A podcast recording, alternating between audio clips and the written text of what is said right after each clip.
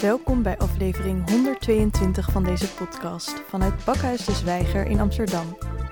Mijn naam is Annick van Rinsem en vandaag spreek ik met Touria Meliani, wethouder kunst en cultuur en digitale stad, personeel en organisatie, dienstverlening, vastgoed, archeologie, monumenten en het stadsdeel Nieuw-West. Beste Touria, welkom. Dankjewel. Heel leuk dat je hier bent. Dank voor de uitnodiging. Heel leuk om hier te zijn. Waar komt jouw liefde voor kunst en cultuur eigenlijk vandaan? Nou, dat is uh, niet via een, een, opleiding of iemand die dat mee heeft gegeven, maar eigenlijk heel uh, in huis, kleinschalig. Mijn moeder had twaalf cassettebandjes meegenomen uit het land van uh, herkomst, Marokko, waar ze is geboren en ik ook trouwens. Um, en met haar leven bewaakt. Dus een Bas F. bandjes, oranje weet ik nog. Nou, ook wel een paar andere kleuren. Uh, van muziek van Om Kulthum, grote Egyptische zangeres. Uh, muziek van uh, Mohammed Abdulwahab. Mohammed El-Doukali, dat is een Marokkaan. Die andere, die daarvoor, dat is ook een Egyptenaar. Farid Al-Atrash, ook een acteur trouwens. Ook een Egyptische zanger. Eigenlijk en nog wel een paar andere. veel muziek uit het Midden-Oosten, niet specifiek alleen over uit Marokko. Die wereldwijd beroemd waren. En juist in de jaren zeventig, waar mijn moeder opgroeide, waren deze muzikanten heel belangrijk. Het ging altijd over de liefde, het verlies, pijn. Um, en ergens heeft dat mijn moeder uh, uh, nou, dat, laatste, dat stukje meegenomen. Dus dat draaide ze ook thuis. We hadden voorheen dan radio met cassettebandjes en dan uh, draaide ze die muziek. Later heeft ze nog een platenspeler gekocht en wat platen. en die muziek was voor ons heel belangrijk thuis. Dat is een uh, vorm van kunstcultuur waar je dan niet naar een theater gaat, maar wel thuis luistert. Ja, hele meeslepende liederen, heel emotioneel ja. en ja. Uh, goed om bij mee te zingen. Ja, bijvoorbeeld een van de liederen, uh, de, ru de Ruïnes bijvoorbeeld. van Umkultu? Van, wauw. Ja. het zit zo in mijn systeem dat ik denk dat iedereen het weet, maar jij weet het echt ook heel goed. Ja, wat natuurlijk gaat over ja, iets wat uit elkaar is gevallen, waar een soort fundament wat gewoon, wat er niet is. Uh, ja, eigenlijk een verloren liefde die onbeantwoord bleef. Of uh, een liefde die gaat over uh, niet gehoord worden. Dat mijn moeder natuurlijk met mijn vader had. En mooi is dat de relatie ook nog, die ik zelf legde al. En was ook dat de componist die de muziek voor haar schreef ook verliefd was op Onkel. Dus dat was ook een onbeantwoorde liefde. Dus in die zin, ja, fantaseerde ik daar ook altijd op los. En wij lazen dan op zondag meestal stripboeken. Die kregen wij ook allemaal van de buren, van al verschillende mensen. En dan kookte mijn moeder en dan gingen we die muziek luisteren. Dus die combinatie, van mij zijn dat dan echt levendige tafereelen waar ik uh, uh, heel veel uit heb geput. Um, hoop, maar ook inspiratie of geluk of idee van liefde. En dus dat, het moet natuurlijk ook wel een beetje in je zitten dat je dat mooi vindt. Maar bij mij is dat echt in mijn systeem gaan zitten, als het ware. Ja, het, het voegde echt iets toe, ja. uh, omdat het herkenning gaf aan dingen die je misschien al voelde, maar dat een beetje in context kon plaatsen of het misschien ook iets toevoegde. Ja, of misschien om heel veel dingen te vergeten. Uh, we hadden natuurlijk gewoon niet zoveel geld of geen geld. Uh, mijn moeder was alleen met zes kinderen, sprak de taal niet. uit een land komen waar je ja, niks herkent, niemand kent. Uh, daar vervolgens scheiden me van mijn vader. Nou, dus ook echt in armoede leven. Uh, maar die muziek was geen armoede. Dat was gewoon hoop en geluk en rijkdom. En rijkdom. Uh, dus we, we, kregen dan een bordje linzen waar ze dus met, met iets van alles wat ze erin maakte. En het was altijd goddelijk trouwens. En dan die muziek.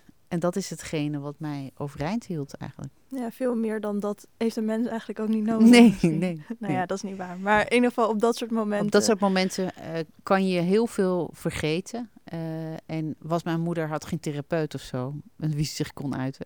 Maar wel die muziek was bijna therapeutisch. En ja. ik denk ook in die zin ook echt uh, louterend en verzachtend. De, en ik denk dat heel veel mensen dat soort associaties hebben in hun verleden. Uh, en, uh, of ervaringen misschien hebben en sommigen helemaal niet. Um, dus het is niet uh, hoogstaande kunst. Het is eigenlijk heel erg in nabijheid en klein. maar er zit natuurlijk wel heel veel leed onder. ehm, wat er niet was. Geen geld, geen verjaardagsfeestjes, geen reizen, geen vakanties, geen eigen kamer, geen plek om je huiswerk te maken. Dus heel veel was er niet. Eh, en ik denk dat uh, dat ook de kern is eigenlijk van waarom ik doe wat ik doe. Is namelijk dat ik uh, de situatie heeft gemaakt dat, dat, je, nou ja, dat je minder kansen hebt gekregen. Maar dat datgene wat ik in ieder geval wel heb meegekregen, wel een zaadje heeft geplant. En dat was maar misschien een heel klein stukje. Maar wat als je nou veel meer kansen had, waar kom je dan terecht? Dus ik vind dat wel heel belangrijk om, is dat je als wethouder, voor mij was dat in ieder geval de reden om te beginnen, is dat uh, er, is, er is vaak een medicijn voor heel veel dingen. En mensen denken dat dat dan uh, heel veel geld is of heel veel. Dat je dan alles hoeft te hebben. Het zijn vaak kleine dingen die je leven kunnen verrijken. Uh, maar die kleine dingen, zelfs, zelfs die kleine dingen, zijn niet eens toegankelijk voor iedereen. En voor mij was het belangrijk van hoe kan ik dat nou in ieder geval toegankelijk maken voor een heleboel mensen. Die hebben er niet alleen maar dat, dat ze dan de hele dag uit kunnen of, uh, of de hele dag een vi viool moeten spelen. Of zo. Dat is niet eens het enige wat ik zeg. Het gaat erom is dat het een zaadje plant in je, uh, waar je gelukkiger wordt als mens. En ik denk dat, dat, daar, dat iedereen daar recht op heeft, dat geluk. Ja, heel duidelijk. Ik vond het ook heel mooi dat je zei dat over die uh, therapeutische werking van, van kunst of van muziek in dit geval. Want ja. uh, je bent ooit begonnen in je carrière als maatschappelijk werker. Ja. Um, maar daarin miste je juist een soort bepaalde invalshoek of perspectief wat heel erg uh, die kunst kon brengen. Ja. Welke manier van bijdragen waar je het nu over hebt, miste je in, in je maatschappelijk werk? En wat wilde je in plaats daarvan eigenlijk toen gaan toevoegen? Mijn perspectief op de wereld is dat mensen meer zijn dan hun problemen. Dus je krijgt een probleem heb je niet altijd zelf veroorzaakt. Als kind niet. Mijn moeder in ieder geval niet als vrouw. Ze was ook uitgehuwelijkd. kwam in een situatie terecht uh, die niet haar schuld was. Maar ze moest overleven. Mm-hmm. En uh, in dat overleven heeft ze kleine dingetjes gedaan om ons kinderen, haar kinderen in ieder geval, een perspectief te bieden. Er zijn zoveel van die gezinnen in deze stad uh, die dat ook willen, dat leven. En wij uh, uh, wij hebben de neiging, denk ik, als samenleving altijd mensen als problemen te zien. En ik denk dat ik toen ik begon uh, in, het, in het sociale domein, het idee had van hoe kan ik nou mensen helpen? mensen die op mij leken. Weet je, daarvan dacht ik, ja, mensen komen in hele ingewikkelde situaties in hun leven. Door geld, sociaal-economische situatie, komen ze in in een leven terecht waar ze niet in terecht wilden komen. En een van de ervaringen die ik had opgedaan als stagiaire was in Hilversum in een buurtenhuis. Waarin ik uh, zag dat jongens, uh, dat waren dan probleemjongeren zeg maar, bij elkaar kwamen in een buurthuis en ik zou ze dan begeleiden. En dan, ja, je organiseerde voetbaltoernooitjes in zaaltjes, maar misschien ook daarbuiten. Uh, avonden waarin ze zich een beetje konden hangen en allerlei activiteiten. En mijn taak was uh, ze te observeren en, uh, en dan op te schrijven hoe het fout ging, maar altijd op een bepaalde afstand. Dus je was het ware met een map, moest dan opschrijven uh, hoe de situatie was. Dus analyseren op afstand. Maar het voelt en een soort van afstandelijk, maar ook beoordelend. En beoordelend. En toen dacht ik, en dit is in de jaren negentig, mm -hmm. en ik had natuurlijk in mijn opleiding wel geleerd waar dat maatschappelijke werk vandaan komt. Mm -hmm. Natuurlijk allemaal rijke mensen die armere mensen gingen helpen. helpen ja. En dat, heel, dat is eigenlijk nooit veranderd. Ja. Um, en, en toen ik daar zelf als ervaringsdeskundige uh, zag hoe dat werd gedaan, dacht ik, ja, maar zo werkt het niet. Als je echt iets wil weten van die jongeren, zul je moeten doorvragen. Je moet ze nabij houden. Ik ging meevoetballen. Uh, ik ging ze echt, als ze in de kleedkamer uh, weer hun allerlei kleedkamers waar ze hadden gesport, iets hadden gestolen en hadden ze in zakken gedaan, gingen ze, probeerden ze dat te verhandelen in dat buurthuis waar ik werd. Toen zei ik, wat zit daarin? We gaan het eens even terugbrengen. In plaats van een melding te doen bij de politie, zei ik, dat moet terug naar de eigenaar. En dat soort dingen deed ik dan. In plaats van dat je het alleen op afstand houdt en dan denkt, oké, het is bijna alsof en daar stop je medicijn in en dan hoop je dat het voorbij. Terwijl je eigenlijk preventief te werk moet gaan. Echt, echt achter de verhalen moet komen van mensen waarom. En uh, die, die empathische kant, die invoelingskant ontbrak totaal. Ja. En toen dacht ik, hmm, dit kan ik niet. Hier ga ik gewoon niet doen. Ik werd namelijk slecht beoordeeld door mijn stagebegeleider, omdat ik mij inmengde, omdat ik verbonden was. En toen dacht ik, nu gaat er iets mis. Ja, dat is echt bizar eigenlijk. Want het is eigenlijk alsof je die mensen dan beschouwt als een wiskundesom en dan even kan kijken wel, welke variabelen anders moeten en dat dan gaat opschrijven. Maar het gaat. Bijvoorbeeld, en dan stop je ze in een systeem en dan besteed je het uit en die lost dat op. De dokter doet zus. Maar eigenlijk zouden al die partijen samen moeten werken om te begrijpen waarom iets fout gaat. En daar, dat, dat is natuurlijk in de jaren negentig. Dus ik dacht ook, nee, hier ben ik niet voor gemaakt. Ik was echt diep, diep bedroefd, want ik werd, ik werd er zelf onzeker van. Want ik dacht, ik ben niet professioneel. Dat werd letterlijk tegen mij gezegd, dat is niet professioneel. Ah, terwijl de andere stagiaire, die ook daar was, die kreeg een positieve beoordeling omdat zij net naast de stagebegeleider zat op een bankje. Ik heb niks tegen hun en de manier waarop ze deden. Zij zaten natuurlijk ook in dat systeem. Maar het feit is dat ik toen wist, dit is niks voor mij. Want als, als we zo kijken naar mensen... Maar je zegt, ik heb niks tegen hen en dat snap ik. Maar uh, ook, je zei ook, en niet tegen de manier waarop ze deden. Maar daar kan je toch wel vraagtekens bij zetten. Jawel. Ja, dat weet ik wel. Dat, dat klopt. En je hebt je groot gelijk. Ik heb natuurlijk daar wel degelijk iets, vind ik daar iets van. Ehm, maar ik kon niet als individu dat het hele systeem in mijn eentje omverkomen. Nee. Je was een soort van gek. Uh, want er is geen enkel kader van waaruit ik dacht, waarin ik uiteindelijk kon zijn wie ik was. En ook echt iets kon, kon veranderen. En toen dacht ik, dat kan ik veel beter in de cultuur waarschijnlijk. Veel beter. Toen heb ik ook een stage uh, gelopen bij de Bali.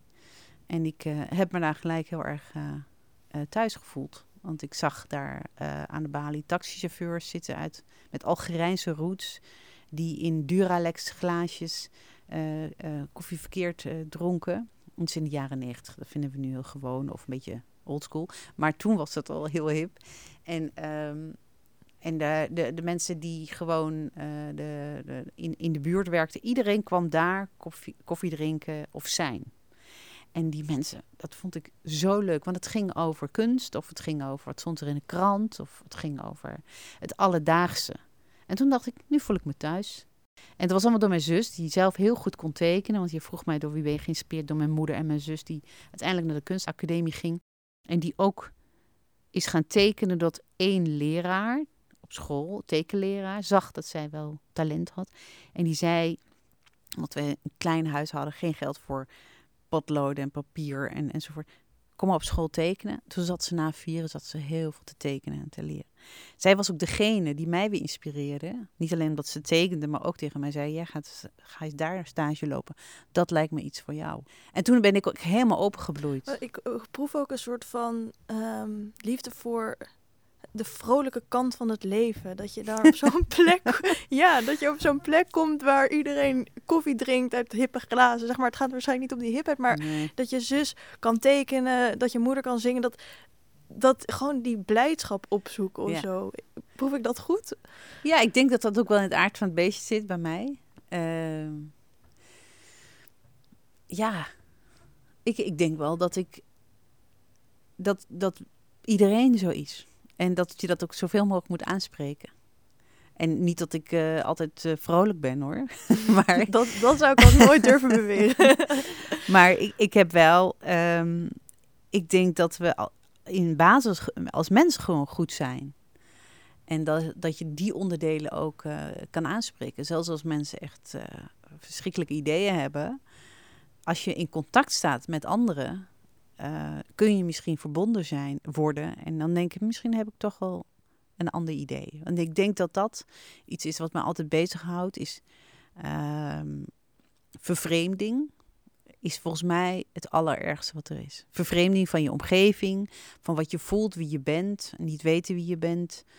Uh, vervreemden van andere groepen mensen. En ik denk dat ik in Amsterdam, in Winterswijk, waar ik opgegroeid was, voelde ik me uiteindelijk vervreemd ik herkende mijzelf niet. Uh, ik was heel blij dat ik uiteindelijk in Amsterdam geworden. Omdat ik daar al die vreemdelingen, uitzonderingen, mensen die overal vandaan kwamen, bij elkaar kwamen. En dan voelde ik me echt thuis. En ik zag daar ook veel meer leven. Uh, en zag ik al die verschillen bij elkaar komen. Iets wat landde echt bij mij was, oh die koffie verkeerd, die maakten wij thuis ook. er zaten Algerijnen. Ik heb, mijn voorouders zijn Algerijnen, mijn achternaam ook trouwens. dus daar is mijn, liggen mijn roots. Ik ben wel in Marokko geboren. Ehm, ik, uh, ik zag uh, vormen van kunst die mij. Dat ging niet alleen maar over de, de, de, boekenlijst en, en de zwaarte van Nederland en de, de oorlog natuurlijk, die heel al lang. Maar ik zag ook andere boeken, andere verhalen uit het Midden-Oosten. nieuwe makers zag ik daar, die, daar waren schrijvers die verbannen waren, ja, dus activisten. Ik zag ontzettende variatie aan mensen bij elkaar op één plek. En dat inspireerde, inspireerde mij enorm. Uh, dus het heeft ook wel te maken uit. Met uh, verbinding. Het, verbinding. Het heeft niet te maken dat ik. Ja, en, en die verbondenheid, denk ik, met lokaal, nationaal, internationaal. Dus dat, dat uh, mensen die tegen mij zeggen: er is geen oorlog, dan denk ik: ja, het is niet hier. Maar er is altijd oorlog. Mm -hmm. Kijk maar wereldwijd. Je kan niet zeggen: uh, ik, ik, heb, ik heb het niet in mijn omgeving, dus het bestaat niet. En vervreemding is daarom het allerergste, vind ik, voor ons als mens, is dat je geen relatie legt met wat jij, waar jij bent, heeft een relatie met wat er aan de andere kant van de wereld gebeurt of in je omgeving gebeurt. En ik uh, ben natuurlijk eigenlijk zwaar van aard, maar ik, ik omring mij met mensen die zich via kunst en cultuur verhouden tot dit soort onderwerpen. Omdat ik denk dat kunst en cultuur de vorm is om op een andere manier uh, iemand te raken, te vinden of te verbinden met bepaalde onderwerpen. En uh, ik begon natuurlijk met het maatschappelijk werk omdat ik uit een soort urgentie dat er zoveel mensen zijn die geen kansen hebben, die geen toegang hebben tot kunst, tot scholing, tot wat dan ook. Uh, of mijn moeder die geen geld had, uh, ook met een achtergrond van, uh, nou ja, niet een veilige omgeving met mijn vader. Dus dat, ik kende eigenlijk alle aspecten en moeilijkheden van het leven, waardoor ik iets wilde terugdoen via het maatschappelijk werk. En, maar de kunst heeft mij altijd getrokken, omdat ik zag dat mijn zus leefde op als ze tekende, mijn moeder leefde op als ze meer de mooiste gerechten kon maken. Uh, ik had nog een zus die heel veel uh, ontwierp, zelf met tweedehands kleding, prachtige nieuwe kleden ontwierp en dat dan weer ging verkopen.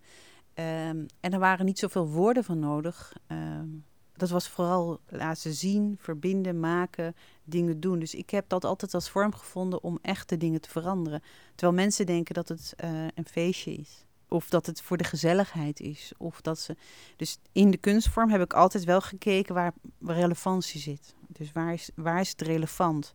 Waar kun je echt verschillen maken? Of dat nou voor kinderen is of volwassenen is. Op het moment dat je daar uh, instapt, zul je zien dat kunst vaak een hele mooie verbindende rol kan spelen in veranderingen. En op welke manier heb je deze visie in de praktijk kunnen brengen in je werk als wethouder?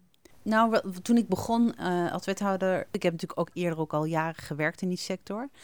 Uh, in die zin ben ik uh, wel nieuw in die politiek, maar niet nieuw in, in deze stad. Um, en heb ik eigenlijk in mijn werk heel vaak gezien dat als je kijkt dat 90% van de culturele instellingen in, in, in, in een bepaald gebied zitten. En de rest zit gewoon, dat noem je dan buiten de ring. Maar dat is gewoon Amsterdam, maar mm dit is dan buiten de ring. Dus Noord, Nieuw, Westen, Zuidoost, nauwelijks culturele voorzieningen.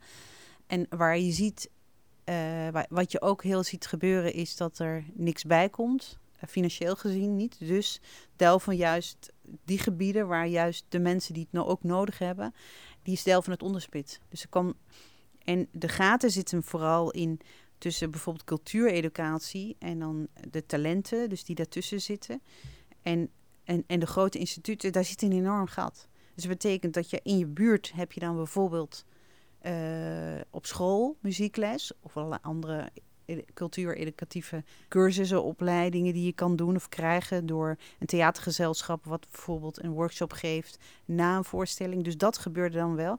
Maar de volgende stap zou kunnen zijn, is dat als het bij jou dan binnen is gekomen, of het iets met je doet, of je denkt, ha, hier wil ik wat mee als kind, is dat je in nabijheid geen plek hebt om naartoe ja, te gaan. Ja, precies. Daar zit een gat. En ja. dan vervolgens, als je daar dan uh, uh, een opleiding zou willen doen, is het niet betaalbaar.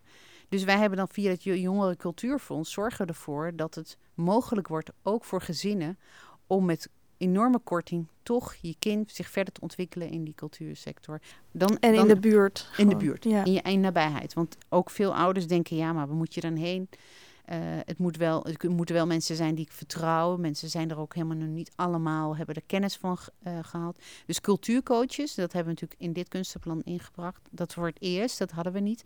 Dat zijn vakdocenten die zowel lesgeven op de school als bij de culturele organisaties en dan ook nog in nabijheid. Waardoor je het vertrouwen van de ouders krijgt, maar je neemt ook zelfs de ouders mee. Zo iemand is zo essentieel. Die neemt de ouders ook mee en zegt: dit is wat wij gaan doen. Ja, en precies. bijvoorbeeld Aslan, uh, daar zitten heel veel vakdocenten die echt diep in die wijken werken en daardoor het vertrouwen krijgen van die ouders. En dan vervolgens, als dan het zaadje is geplant, ja, dan, dan moet er vervolgens naar een jeugdtheaterschool moet je dan kunnen of alle andere. Dus wij hebben, wij hebben in dit hele kunstplan een soort keten ontwikkeld. Um, wat uiteindelijk moet leiden dat de cultuursector uh, voor iedereen toegankelijk wordt. En, uh, en daarnaast hebben we natuurlijk functies, klinkt helemaal technisch hoor, maar dat, we hebben de Amsterdamse basisinfrastructuur, daar zitten heel veel grote instituten in. En daarvan heb ik gezegd, er moeten ook middelgrote ins uh, instellingen, instituten ook bij. Um, uh, en daarnaast ook extra middelen gereserveerd voor, um, voor nieuwe plekken in Noord, Nieuw-West en Zuidoost. Dus echt stenen heb ik het dan over. Plus middelen om zo'n plek te runnen. En eigenlijk hebben we dat de afgelopen periode continu gedaan. Is dat we gaan zorgen dat van heel klein tot heel groot een hele natuurlijke weg gaat ontstaan voor alle groepen, voor alle Amsterdammers. Um, en daar, daar zijn we nog niet klaar mee. Hè? Want we hebben stappen gezet. Die stad gaat enorm groeien. Uh, dus als je, als je zoveel woningen erbij krijgt. En ook nog van Havenstad bijvoorbeeld. Een heel nieuw uh, gebied waar heel veel mensen gaan wonen. Zul je veel meer gaan toevoegen. Zeker. Zuidoost, wat enorm ontwikkeld wordt. Um, daar heb je een heel cluster van culturele spelers. Sommigen zitten er al een tijdje bij Elmo Parktheater, CBK Zuidoost. Maar bijvoorbeeld um, de, de Hip Hop Foundation. Dat is een, een eerste academie, hip hop academie van uh, Amsterdam, misschien wel van Nederland. Uh, die nu in, het, uh, in de Arenapoort winkelcentrum zit. Die straks een permanente plek zoekt. Uh, en een van de initiatiefnemers van Summer Dance Forever is die plek begonnen. En hij danst al, ik weet niet hoe lang. Maar hij wil graag heel veel van die zalen voor, voor al die mensen uit Zuidoost een plek doen. Maar ook de wereld die daar naartoe komt. Dus al die dansers die nu wereldwijd via Summer Dance, die gaan uiteindelijk daar naartoe. Waarbij je dus echt enorme talenten en uh, jong, jonge dansers samen gaat brengen op zo'n plek. Nou, dit soort mensen vinden mij dus nu ook. En daar ben ik ook wel blij mee. Want dan zegt ze, ja, maar ik heb ook een idee. Ik ben blij dat je er bent, want wij willen ja. dit al zo graag. En dat, daar ben ik wel echt heel blij mee. En dat komt voort uit, nou ja, het feit dat ik in die cultuursector werk, maar ook zie uh, hoe goed en hoe belangrijk het is dat mensen zoals zij, dan uh, heb ik het over de mensen van de Hip Hop Academie, maar ook uh, Marianne Duff, die een soort van, uh, wat kan ik zeggen, het is ook een presentatieinstelling, ook in de Arenapoort zit. Uh, Oskam gaat ook over het contemporary art, voortgekomen uit de hip-hop, die daar ook zit. En zo zijn er eigenlijk nog een collectief. Er zijn echt heel veel voorbeelden. Volgens mij kunnen we hier. Echt, sorry, echt ja, heel ik, maar dan denk ik, ja, niet, ja, maar wat ik belangrijk vind is juist Ja. dat. Uh, dit zijn dus ervaringsdeskundigen. En ik voel me daarmee verbonden. Ja, Het zijn mensen die daar vandaan komen, die ook niet vanzelfsprekend uh, hun weg hebben gevonden. En ik ben helemaal afgeleid, maar dat komt daarvoor, uh, daardoor dat ik ben, ik herken heel goed in de strijd die zij hebben geleverd. En de weg te vinden naar een, nou ja, een grootstedelijk, daar hebben zij tien jaar, twintig jaar langer voor moeten werken dan anderen. En die zijn er in Amsterdam in Heel grote veel. mate. En eigenlijk moeten wij de komende jaren daar veel meer steun aan geven. Ja, daar ook op aansluiten. Ik denk dat het er veel mee te maken heeft. Wil je ook meer aandacht voor uh, onbetaald werk?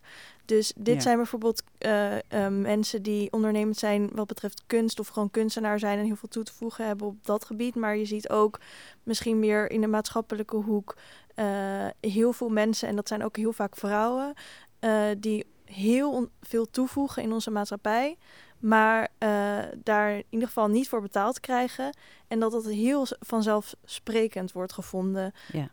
Uh, dat, dat onze he hele systeem er zo op is ingericht uh, dat dat vanzelfsprekend is.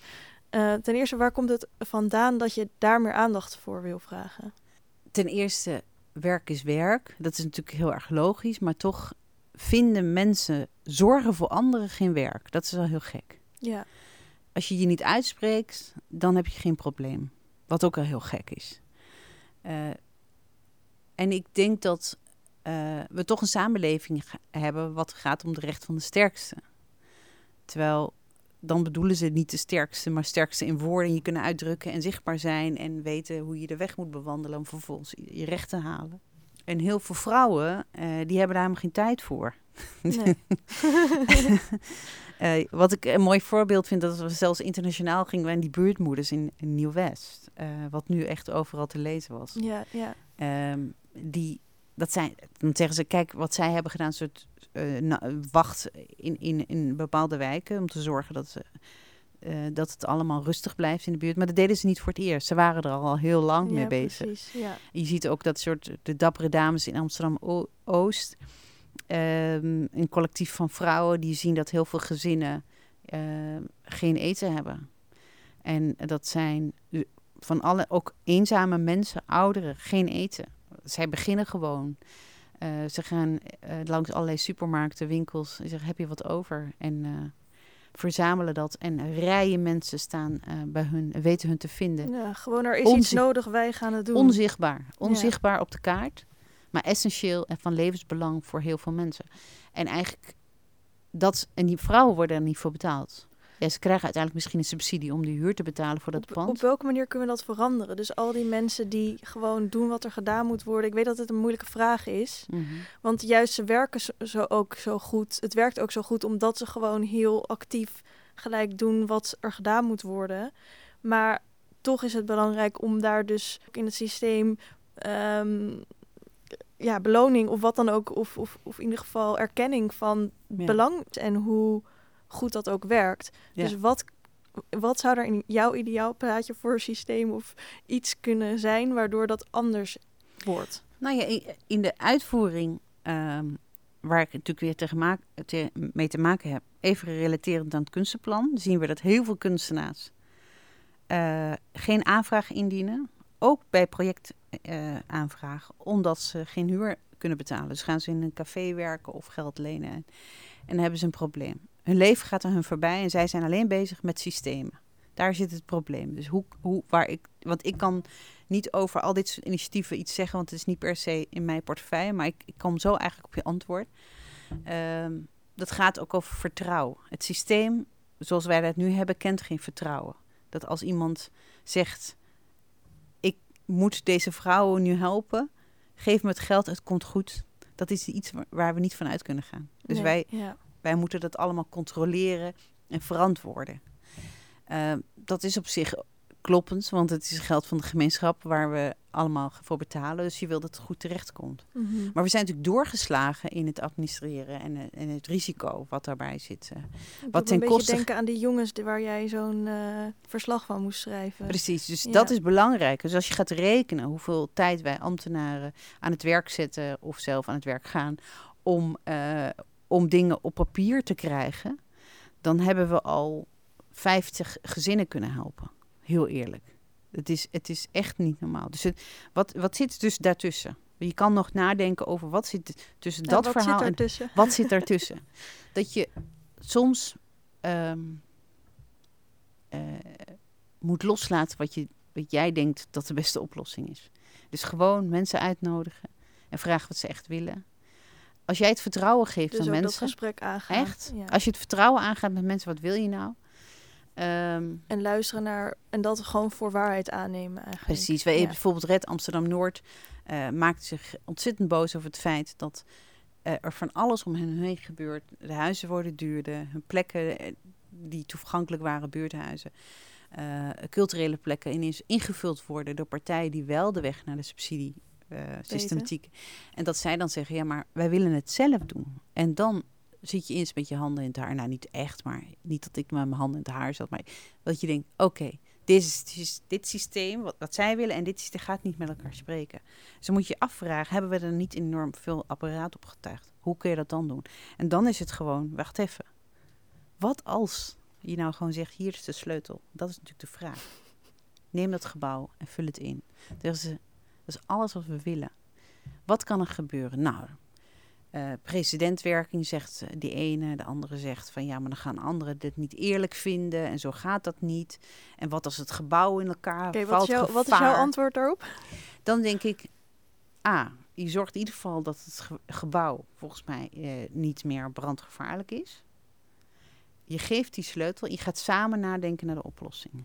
Ja, en dan ook als het een precedentwerking is van iets wat goed werkt, dan is dat op zich ook niet erg. Nee, maar dat is wat als eerste neer. Het wordt altijd precedentwerk, want je krijgt eigenlijk de hele dag om je horen. dat je, ik wil het niet meer horen. Ja. En eigenlijk kan je daardoor niks meer doen. En waar we nu zitten, is dat mensen, uh, dat, dat vertrouwen, denk ik, wat, waar mensen, wat mensen niet meer hebben, komt hierdoor. Omdat we continu systemen hebben gemaakt waar wij dan nu met z'n allen weer afhankelijk van zijn geworden en waar we helemaal volledig in zijn gaan geloven. En daardoor de wegen naar andere creatieve oplossingen zijn vergeten. Daar zit volgens mij echt de verandering. Daarom is voor mij echt continu creatie uh, de oplossing voor heel veel andere dingen. Namelijk luisteren, horen. Wacht even, doen wij het wel goed? Zijn we nog wel ten dienste van de stad? Daar zit, daar zit, dat kun je vaak met kunstenaars creatieve veel beter oplossen dan alleen met cijfer, cijfermensen, die je ook nodig hebt. Hè? Maar daar hebben we te veel van, denk ik. Je ziet, je ziet ook een rol voor broedplaatsen in dit verhaal. Ja. Uh, wat is precies jouw perspectief op broedplaatsen? Wat kunnen ze brengen? Uh, wat, wat belangrijk is, dat broedplaatsen, dat zijn dansers die dansen bij het Nationaal Ballet, uh, die een plek hebben. Dat zijn muzikanten die in verschillende fantastische muziekensembles zitten, die bij nee, het concertgebouw zitten. Dat zijn kunstenaars die uh, net afgestudeerd zijn. Uh, het zijn ook podiummakers die, of decorbouwers zitten erin. Um, we hebben nu onlangs hebben we de vlucht, beroepplaats de vlucht, opnieuw geopend. dat waren eerder alleen maar kunstenaars die een plek hadden waar ze vervolgens hun werk maakten. Maar er was minder een collectief waar ze ook samen dingen konden doen. Nu is dat verbouwd, die ruimte, tot plekken waar ze dus enerzijds in hun eigen ruimte dingen kunnen maken, ontwikkelen, maar ook tegelijkertijd een podium hebben waar ze hun kunsten kunnen tonen. daar was behoefte aan. Dus beroepplaats nieuwe stijl, noemen we dat uh, nu, wat mij betreft, is dat je beroepplaats ook als van tussenstap kan zien om vervolgens door te kunnen stromen naar een ander uh, naar een volgende stap in je carrière. Dus het sluit heel erg aan op dat, dat traject of die paden die je probeert ja. Dus we hebben dat verbreed. Te bouwen en te behouden ook. Ja, alleen de, de, er is schaarste en dat maakt het wel ingewikkeld. Ja, en over schaarste gesproken. er is natuurlijk een hele zware last op jouw schouders gevallen door de coronacrisis. Om de kunst- en cultuursector ehm, boven water te houden. Ja.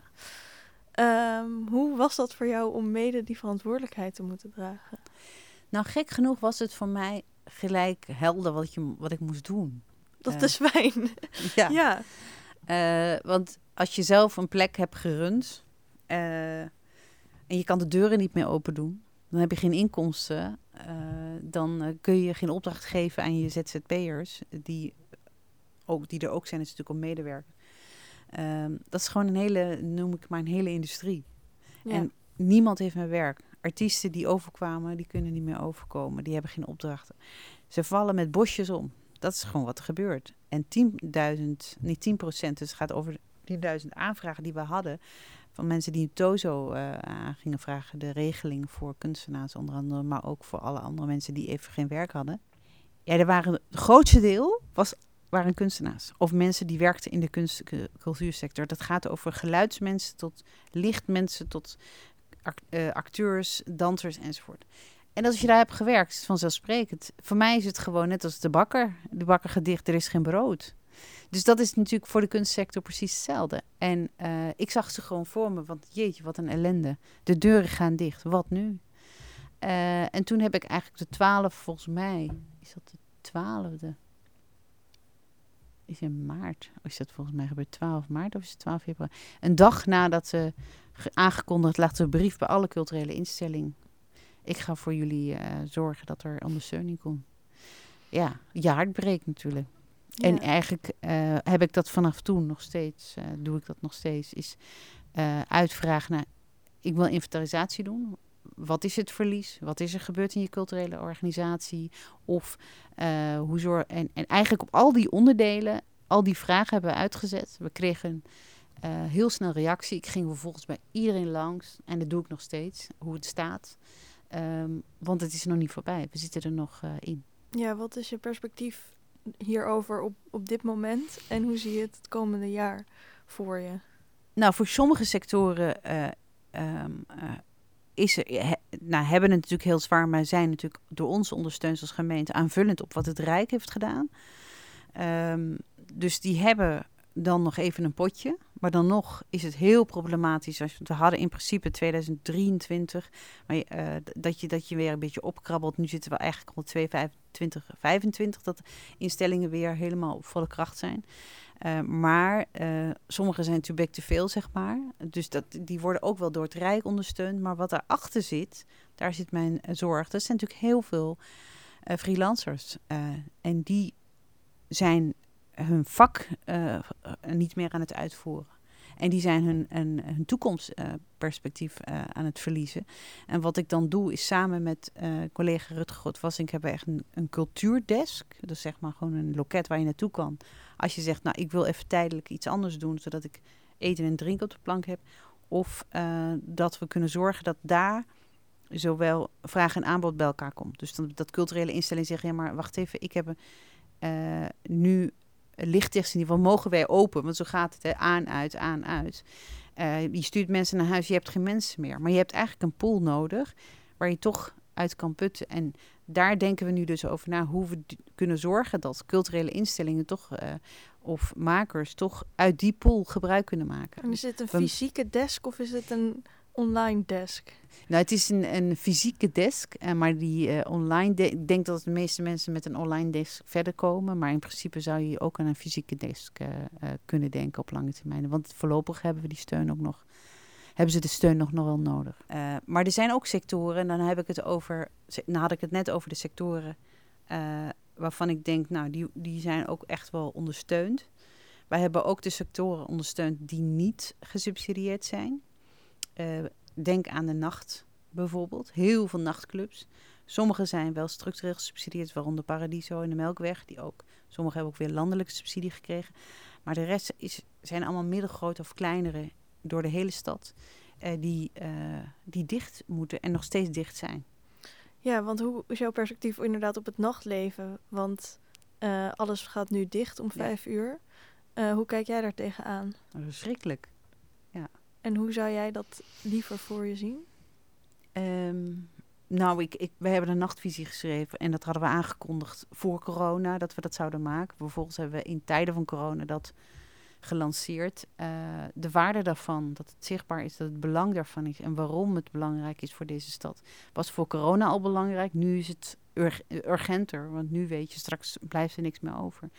Uh, waarom die nacht essentieel is, is dat er een hele generatie jonge mensen bewegen zich in de nacht. Ja. Uh, en dat is echt de afspiegeling van deze stad. Uh, en dan heb je ook nog dat ze buiten deze stad komen. Dus, uh, en ook en als je dat verliest, dan zeg je eigenlijk tegen al die jonge mensen, dan heb ik het over heel veel mensen, zeg je voor jullie geen plek in deze stad. Ja, en het gaat natuurlijk niet misschien alleen om het feit dat ze zich, dat de nacht gewoon een, een tijd is dat jongeren bij elkaar komen, maar ook dat het momenten zijn waarop ze dus nieuwe perspectieven, nieuwe groepen, nieuwe connecties, nieuwe, nieuwe inzichten kunnen ja. uh, opdoen. Ba um, Kijk, dit voor jou ook is, voor mij ook. Je begint ergens en begint het leven bij de nacht. Daar ontwikkel je jezelf, of je seksualiteit ontdek je, of je gaat dansen. Um, Heb je het idee dat daar in, voor, in de politiek te weinig, um, dat dat te weinig zo, die, die waardering wordt gegeven aan, aan het nachtleven? Ja, nou, we hebben dat natuurlijk met het agenderen hiervan ook wel zichtbaarheid aan gegeven. Als hoofdstad heb je dan natuurlijk een kom je over als koppige eigenwijze stad, moeten we het weer allemaal anders doen. En achteraf denkt iedereen, oh ja, is logisch. Ja. Uh, en ik denk dat het in de grote steden vooral gevoeld wordt. Als je dans en uitgaat en mensen ontmoet, dan, uh, uh, nou ja, dan leer je jezelf kennen. En dat is een bazaal iets. Dat weten we allemaal. Maar dat zijn we vergeten, denk ik, op het moment dat we ouder zijn en zelf niet meer uitgaan. Maar wel aan de knoppen draaien. Terwijl ik denk van, het is niet zo heel gek om je weer in te voelen in die generatie. Ja, Want voor jou ben je zelf geen overbodige luxe. Nee, het is een bazaal iets. Het is eigenlijk voor mij is het uh, net als gas, water, licht. Het is gewoon ademen. Uh, en ja, wat doe je als je anderen wil ontmoeten, dan ga je naar een café, drinkt een biertje of een, uh, of een glas water, wat mij betreft. Maar, of je drinkt een kopje koffie met een taartje. Dat mag ook allemaal. Maar als je, of je gaat alleen maar dansen, uh, of je kijkt uh, naar allerlei mooie performances, of, nou ja, of je weet gewoon niet hoe, hoe, hoe seksueel, hoe je dat zit met je seksuele geaardheid, of al die dingen die bazaal zijn voor je ontwikkeling als mens, doe je vaak in dat soort op dat soort plekken. En die zijn dicht. Dus waar moet je dat dan nu doen?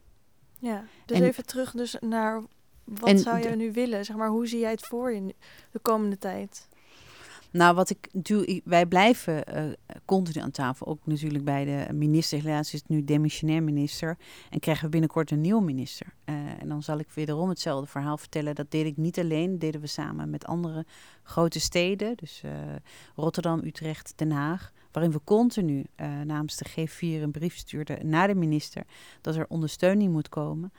maar ook dat die nachtcultuur van wezenlijk belang is voor een heleboel jongeren. Niet alleen maar ook financieel trouwens, moet ik eerlijk gezien, uh, betekent het ook voor al die mensen, al die ondernemers, uh, dat ze gewoon ondersteuning nodig hebben. En die blijft maar dicht. Dus wil je ze overeind houden, dan, zullen, dan zal er nog gewoon ondersteuning moeten komen, financieel. En, um, Wordt er geluisterd daarnaar? Nou, wat ik net zei, uh, het stond, stond niet op de kaart, maar ik weet wel dat het, het woord nachtcultuur nu vaak in debatten uh, uh, is gevallen. Dat is al heel wat. Maar ik, wat mij betreft, moeten we nog echt wel flink nog op de vuist op tafel slaan. Want ik, ik zie nog wel echt een heel groot probleem mochten al die plekken dicht blijven. Dan denk ik wel dat heel veel jongeren, nou ja, um, behalve die vereenzamen die je ziet, ook nou ja, problemen gaan krijgen. Maar ook al die ondernemers die die plekken runnen uh, heel veel van die artiesten die bijvoorbeeld daar ook spelen, of DJ's, of, dat is ook gewoon een werkgelegenheid. Al die mensen raken werkloos, hebben geen baan. Um, en als je kijkt naar bijvoorbeeld uh, ook die makers en performances en DJ's, die beginnen bijvoorbeeld bij kleinere clubs in de stad en staan dan in Paradiso en gaan dan bijvoorbeeld naar een groter festival. Ja, precies. We hebben dat en systeem nodig in die maatschappij. ja.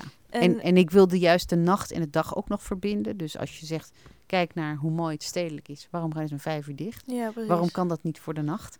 Uh, want dan zou je ook een hele generatie op een plek krijgen die je overdag niet krijgt. Ja, in dus principe, als, het, als alles 24 uur open is, kunnen we ook meer spreiding uh, doen met minder, Zo, minder precies. contact, toch? Nou, dat bedoel ik. Uh, maar, want ik bedoel, corona is ook een probleem. Dus hoe ga je daarmee om?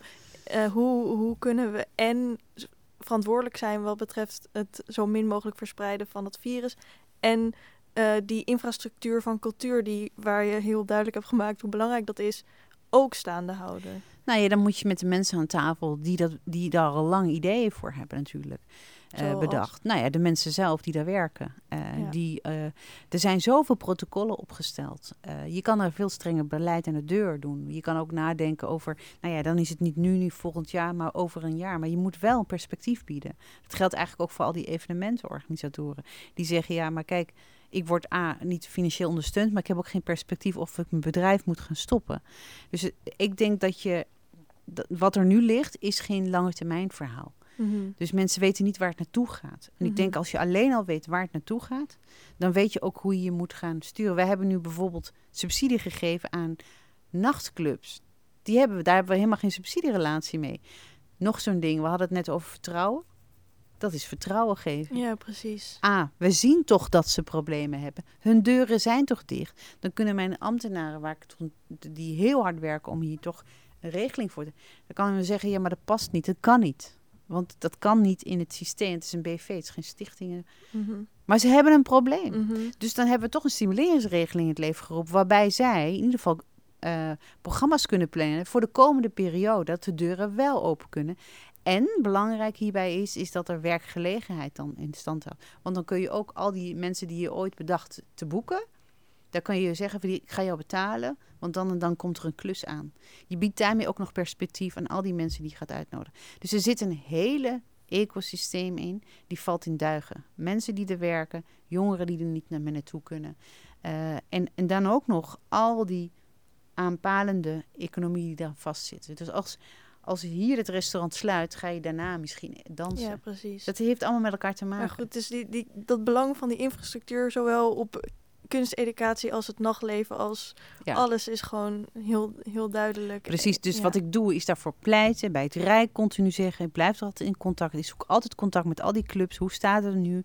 Hebben jullie ondersteuning? Want als ze bijvoorbeeld geen ondersteuning krijgen, gaan we weer richting het Rijk. Ik ben blij dat nu de, de, de, de gemoedkoming vaste lasten, weet je, de, die onder andere, maar ook de NOW, uh, eh, zodat je ook je personeel, dat dat weer dat het weer in gang is gezet, zodat in ieder geval de mensen weer overeind worden gehouden.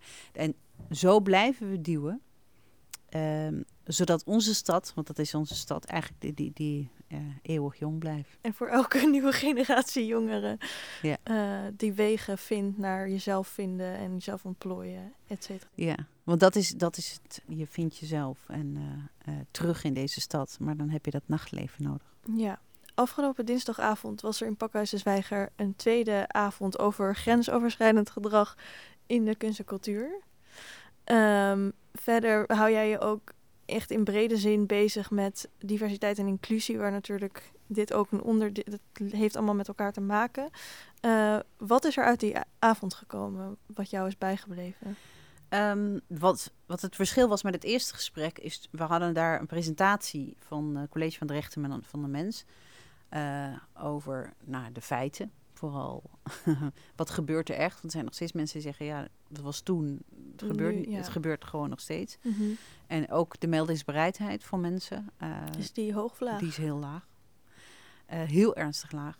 en het tweede gesprek wat we afgelopen keer hadden, gaat, ging ook over de ervaringsdeskunde. Ook mensen die echt dingen hebben meegemaakt. in dit geval was het bij het Amfi. Maar er zijn natuurlijk heel veel mensen die zich daar in herkennen. herkennen, dus die bijvoorbeeld meekijken of meeluisteren uh, vooral. En dan denk je, jeetje, misschien moet ik op mijn verhaal veel meer... Dat gaat je ook echt helpen volgens mij. En het laatste gesprek wat we nog gaan doen, uh, is vooral wat gaan we hiermee doen met handelingsperspectief. Van hoe kan, wat kunnen we doen om dit uh, te agenderen, zichtbaar te maken, maar ook aan te pakken. En dat is uh, waar de, waarom uh, het zo belangrijk is. Dus dit was, dat was ook wel fijn. was ook een onderzoeksjournalist of een stadsjournalist, werd hij genoemd door de moderator. David Hilkema, die daar echt lang ook onderzoek naar heeft gedaan bij, volgens mij, het Amfi vooral. Um, en heel veel mensen heeft gesproken.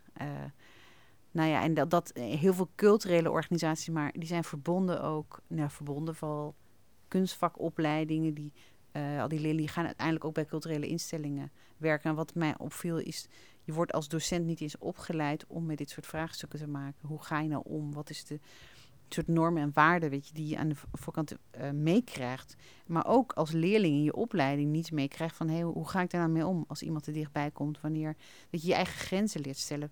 Dat zijn dingen, geen standaard dingen die je meekrijgt. Uh, dus dat zijn, dat zijn wel de dingen die we die we besproken hadden. Ja. Dat, dat de laatste tijd dat daar meer ruimte en meer aandacht is voor. Uh, dus misschien zelfs de bewustwording alleen al van dat dit inderdaad echt een is iets is waar we meer tools en kennis over moeten krijgen. Ja. ja.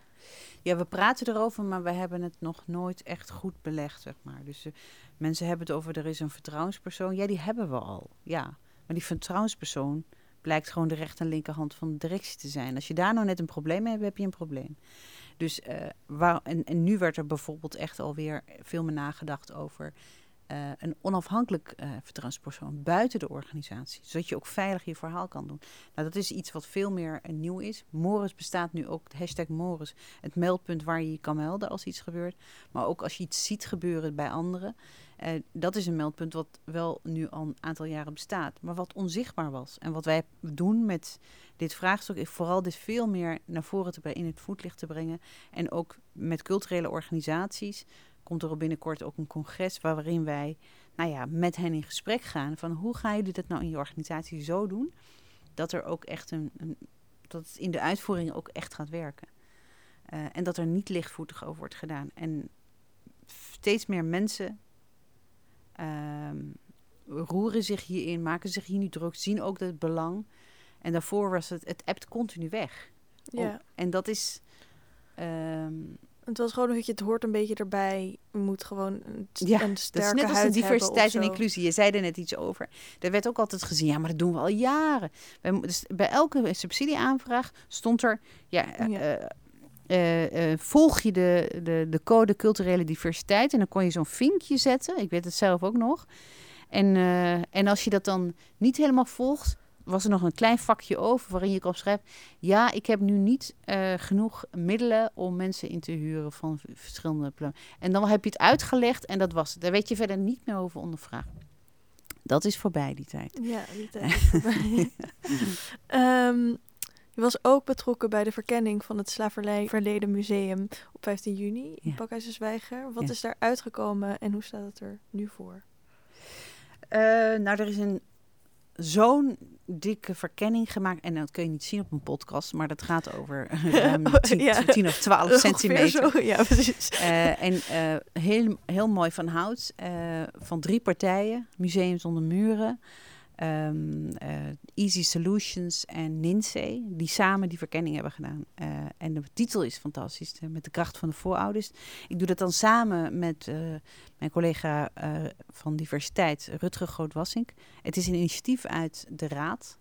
Um, en wat het, de, de, wij hebben dan vervolgens ad, advies gevraagd aan de Raad van Cultuur en de Kunstraad. Dat is een samengestelde commissie. Die commissie heeft nu het advies gegeven. En op basis daarvan gaan wij weer als college een reactie geven, dus Rutger Grootwassink en ik, op wat het advies van de, van de raad is geweest. En dan ook gaan we kijken welk proces we volgen, welke vervolgstappen.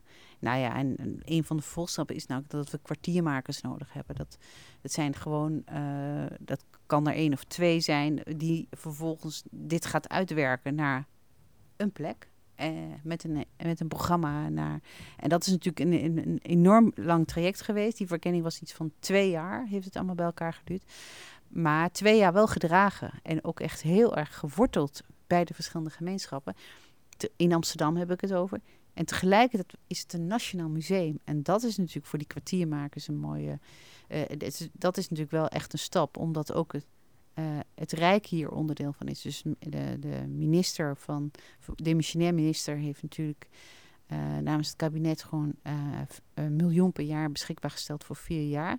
En met dat geld kunnen we dan de komende jaren een deel van het werk doen. maar dan moeten er natuurlijk echt wel middelen bij om zo'n plek te neer te zetten. En er moet ook structurele sub, subsidie voor komen. En dat is iets waar we nog antwoord op moeten geven op basis van wat de kwartiermakers en zeg maar de uitkomsten daarvan. Uh, uh, hoe groot het moet worden, waar het moet komen.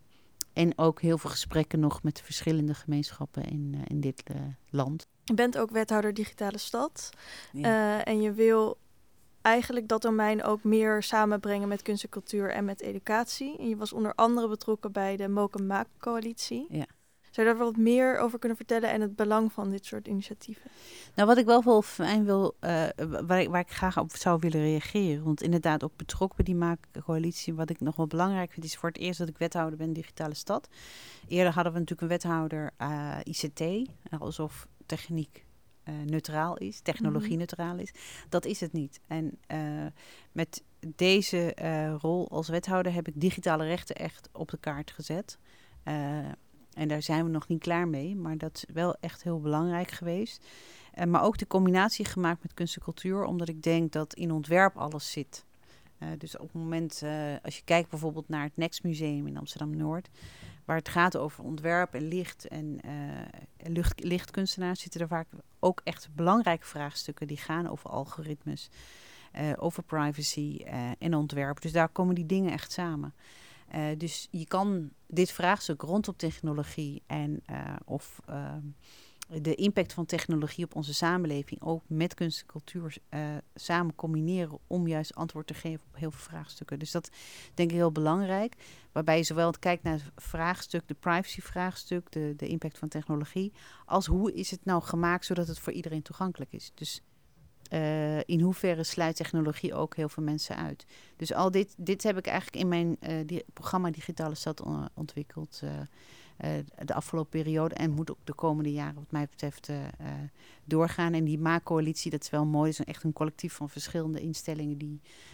volgens mij zien we daar heel veel voorbeelden in OBA, in verschillende OBA's in, maar ook in de, vooral de Waag is daar een van de partijen in. waarin je echt, en dat is heel leuk om te zien, kinderen die uh, uh, leren ook met 3D-printers hun naam te maken. Dus ik, ik, zie als, ik zie dat als een vorm van kunst waarbij ook het gaat over innovatie en vernieuwing, maar ook over belangrijke vraagstukken die je daarmee gaat oplossen. En dat het begint eigenlijk volgens mij bij heel, heel klein, als je heel jong bent. Dus het is echt een nieuwe vorm.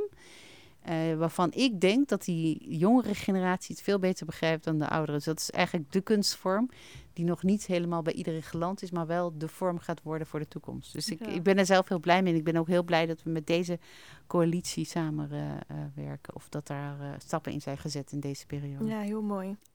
Tot slot, met al je portefeuilles en al je ideeën, wat hoop je de komende jaren gedaan te krijgen? Nou, dat is wel leuk wat we nu gedaan hebben. Ik zei van is stappen zetten. Dus als je van hier naar van A naar B een rivier over moet kruisen en je ziet, um, dan moeten we eigenlijk steentjes dan gaan neerleggen. En ik ben eigenlijk iemand die, die gewoon de rivier ingestapt is en al die stapeltjes en ik verzoop soms af en toe zelf en dan ging ik weer doorzwemmen en legde ik daar allemaal steentjes neer. Dus wat ik wat ik wil is gewoon stapjes maken voor mensen die niet naar die overkant alleen durven. Of in ieder geval steun en bodem maken voor een heleboel. Dat is wat ik ga doen. En dat betekent dat ik binnen de kunst- en cultuursector uh, de weg wil vrijmaken voor heel veel mensen die geen toegang hebben tot die schoonheid, tot die verbeelding. Want dat is gewoon een basisrecht. Heel veel dank, Touria Meliani. Dankjewel. Beste luisteraars, dit was aflevering 122 van de podcastserie van Pakhuis de Zwijger. Wil je meer weten? Ga dan naar www.dezwijger.nl. Een rating achterlaten of je abonneren op deze podcast kan via SoundCloud, Spotify, Apple Podcast of een ander podcastplatform. Dank voor het luisteren en tot de volgende keer.